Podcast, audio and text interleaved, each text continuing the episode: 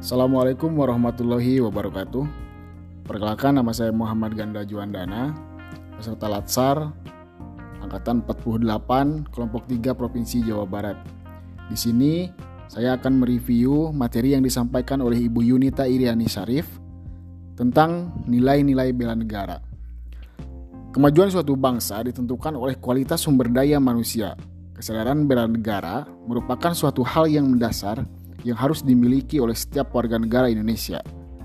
Berdasarkan Undang-Undang Nomor 23 Tahun 2019 tentang pengelolaan sumber daya nasional untuk pertahanan negara, warga negara Indonesia wajib memiliki sifat nasionalisme atau faham kebangsaan antara sesama bangsa. Maka dari itu, dalam kegiatan Latsar sekarang ada empat agenda yang dibangun untuk pembentukan karakter PNS yang profesional sesuai bidang tugasnya. Yaitu yang pertama, menunjukkan sikap perilaku bela negara yang berisi wawasan kebangsaan, isu kontemporer, kesiapsiagaan bela negara. Agenda yang kedua yaitu mengaktualisasikan nilai dasar PNS dalam pelaksanaan tugas.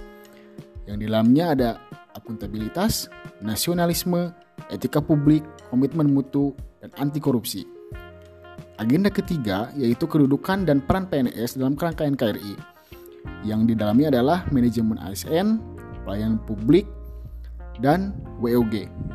Dan yang terakhir yaitu menunjukkan penguasaan kompetensi teknis yang dibutuhkan sesuai dengan bidang tugas.